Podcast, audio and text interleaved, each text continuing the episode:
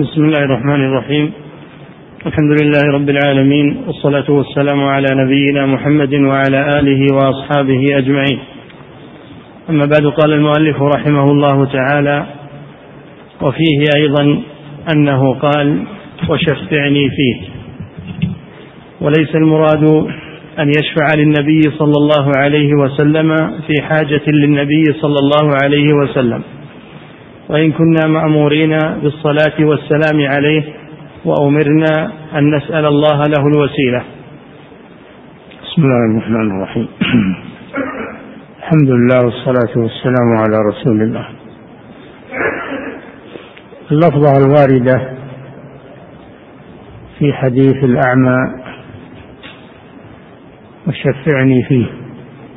هل الرسول صلى الله عليه وسلم بحاجة إلى أن يشفع له أحد عند الله.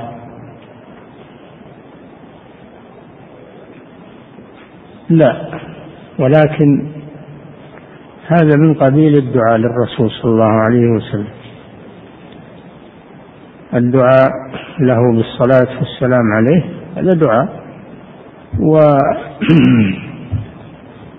الوسيلة له صلى الله عليه وسلم بعد الأذان هذا دعاء للرسول صلى الله عليه وسلم وهو نوع من الشفاعة الدعاء نوع من الشفاعة.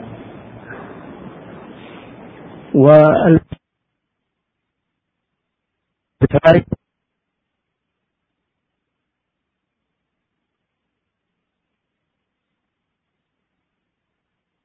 لأنه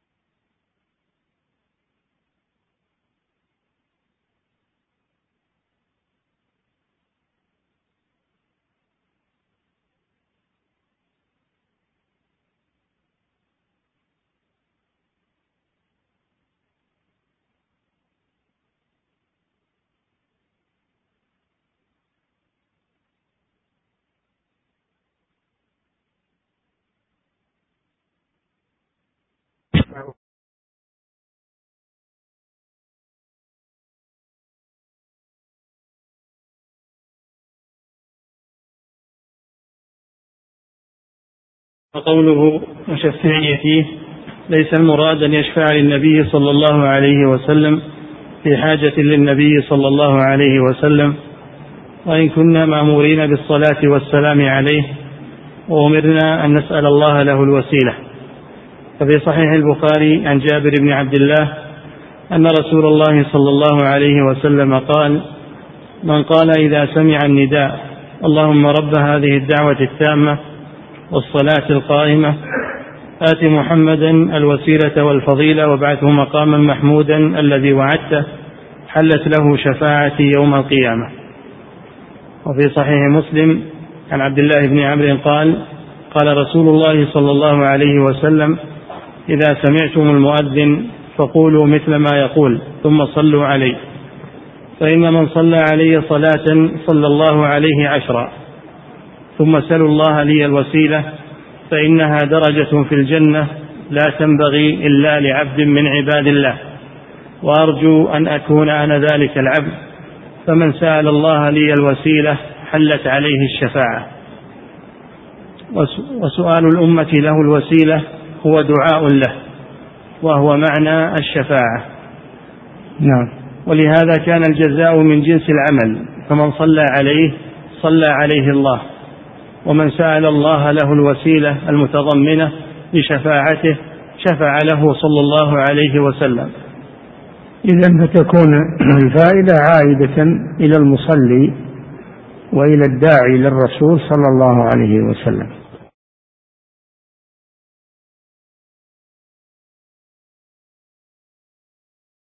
سأل منه الشفاعة فأمره أن يدعو الله بقبول هذه الشفاعة وهو كالشفاعة في الشفاعة. فلهذا قال فشفعه في وشفعني فيه نعم. وذلك أن قبول دعاء النبي صلى الله عليه وسلم في مثل هذا هو من كرامة الرسول عليه الصلاة والسلام على ربه. ولهذا عد هذا من آياته ودلائل نبوته. نعم فإنه لما دعا للأعمى رد الله عليه بصره في الحال. فهذا من معجزاته صلى الله عليه وسلم ومن كرامته على ربه عز وجل. من أجل أن يظهر ذلك للناس. نعم. ولهذا عد هذا من آياته ودلائل نبوته فهو كشفاعته يوم القيامة في الخلق. نعم. الشفاعة العظمى لأجل إظهار كرامته صلى الله عليه وسلم وإظهار فضله على الأنبياء. ولهذا قال جل وعلا عسى أن يبعثك ربك مقاما محمودا. يعني يحمده عليه الأولون والآخرون. فتظهر بذلك منزلته صلى الله عليه وسلم عند ربه.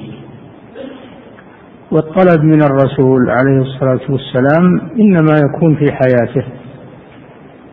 سواء حياته في الدنيا قبل موته أو حياته في الآخرة بعد موته عليه الصلاة والسلام.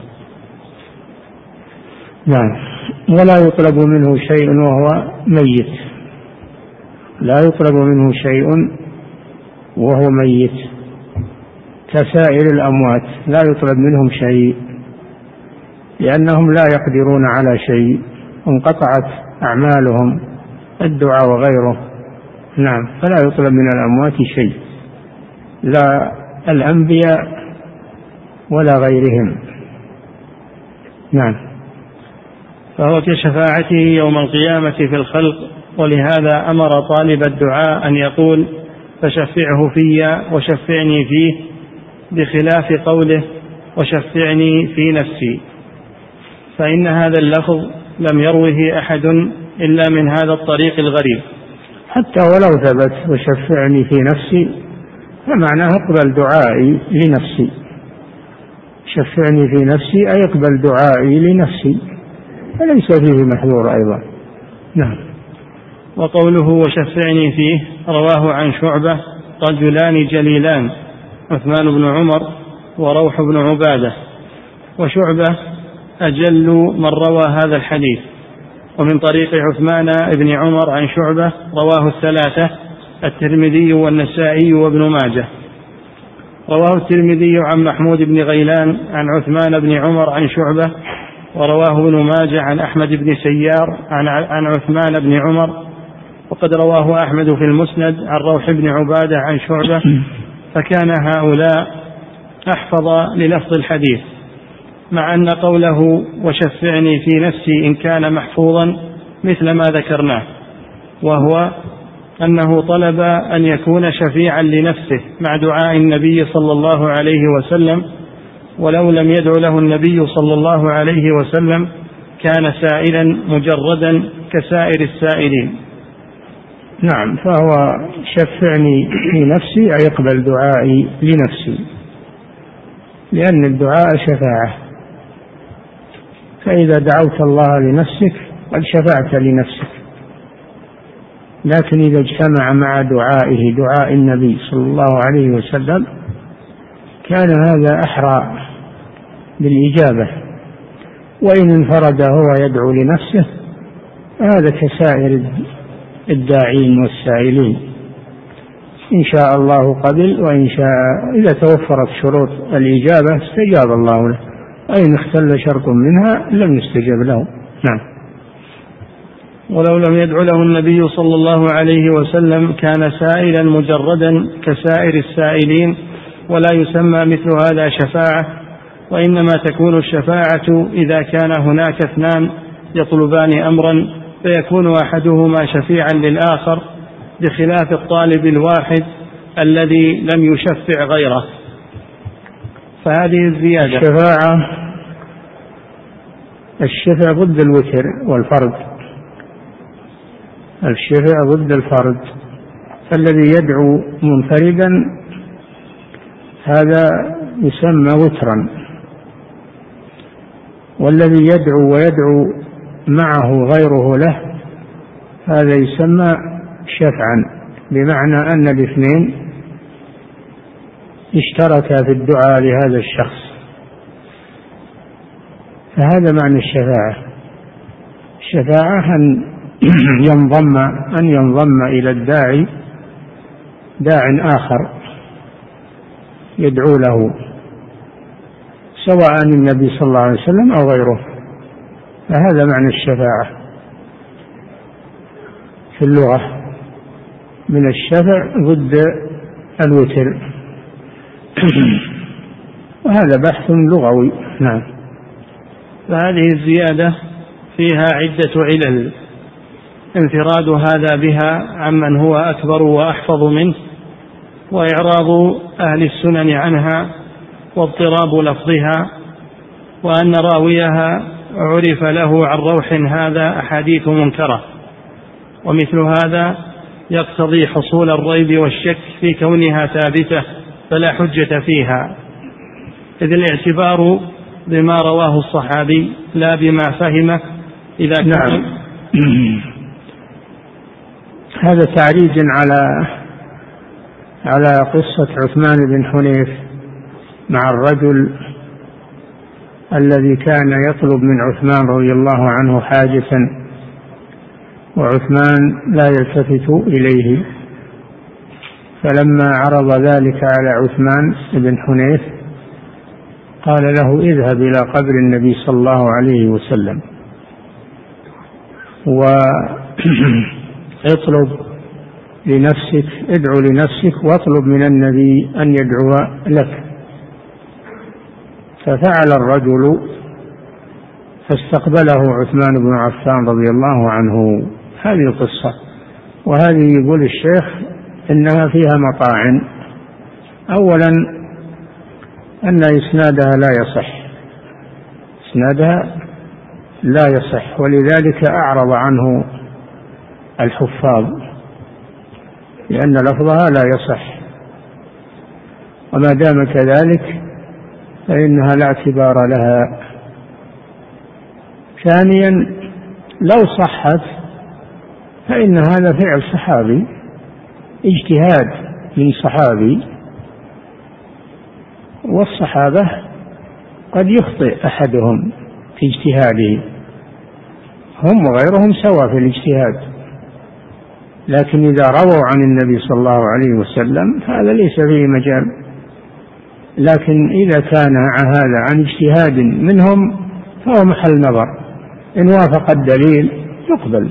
إن خالف الدليل لا يقبل. من الصحابة ومن لكم الشيخ نماذج من اجتهادات الصحابة التي خالفوا فيها الدليل فلم تقبل عند أهل العلم. يذكر لكم نماذج من هذا. فإن صح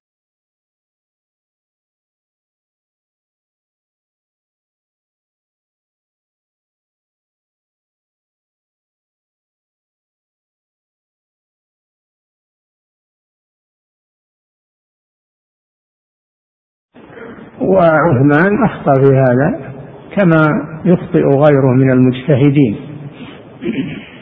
وليس في هذا تنقيص تنقيص من قدره وصحبته رضي الله عنه وإنما هذا شيء يقع لغيره من الصحابة يجتهدون ويخطئون.